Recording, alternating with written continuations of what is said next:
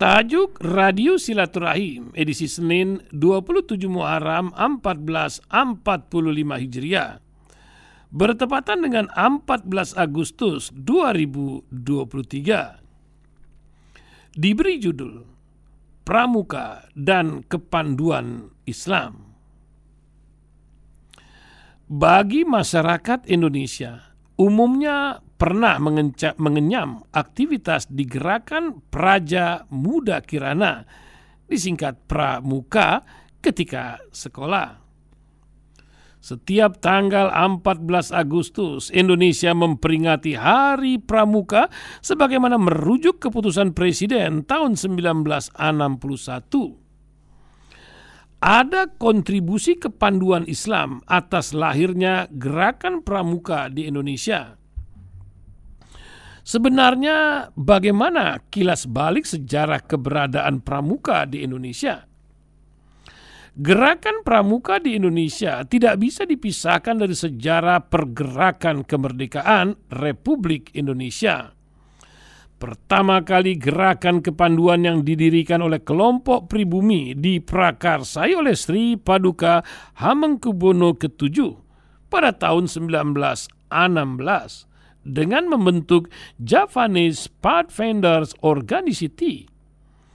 Ini merupakan cabang organisasi kepramukaan cabang Hindia Belanda pada kurun waktu 1920-1935, sejumlah kepanduan bernafaskan agama dan berbang dan kebangsaan berdiri seperti Pathfinder Muhammadiyah yang berubah nama menjadi Hizbul Watan yang didirikan oleh Muhammadiyah.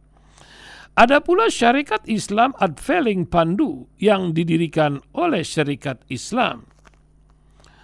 Ansoru Nahdlatul Ulama ANO juga mendirikan organisasi kepanduan sebelum berdiri Nahdlatul Ulama namanya Ahlul Watan bagian dari Sabbahul Watan organisasi kepemudaan yang dirintis oleh Kiai Haji Abdullah Ubaid dan Kiai Haji A. Wahab Khasbullah cikal bakal GP Ansor itu baru mendirikan Pandu Ansor tahun 1937, mereka punya drum band yang secara aktif tampil perdana di Muktamar NU di Malang. Mereka berparade menggunakan mars dan drum band hingga menggunakan jas dan dasi. Orang Arab Hadrami tak mau kalah keturunan Arab yang punya nasionalisme tinggi memilih mendirikan Pandu Arab di tahun 1937. Pendirinya antara lain Habib Hussein Sihab, ayahanda dari Syed Muhammad Rizik Sihab, imam besar FPI.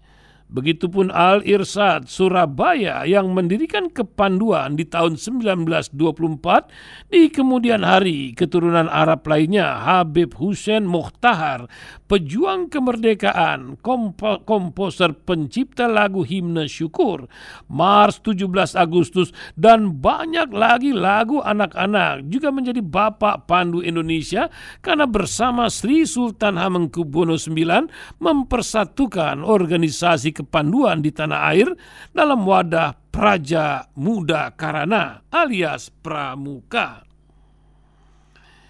Yang perlu masyarakat ketahui adalah organisasi Pandu di masa itu merupakan wadah penyedia stok pejuang kemerdekaan.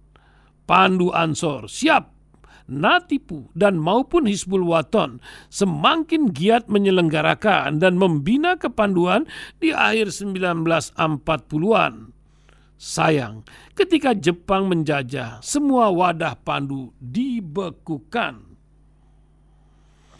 Hingga ketika Jepang membuka batalion peta Heiho, lantas Hizbullah, banyak para pandu muda yang tergabung di Malang ada Hamid Rusdi, Mayoret Drum Band ANO yang dan Pandu Ansor yang menjadi pemimpin peta.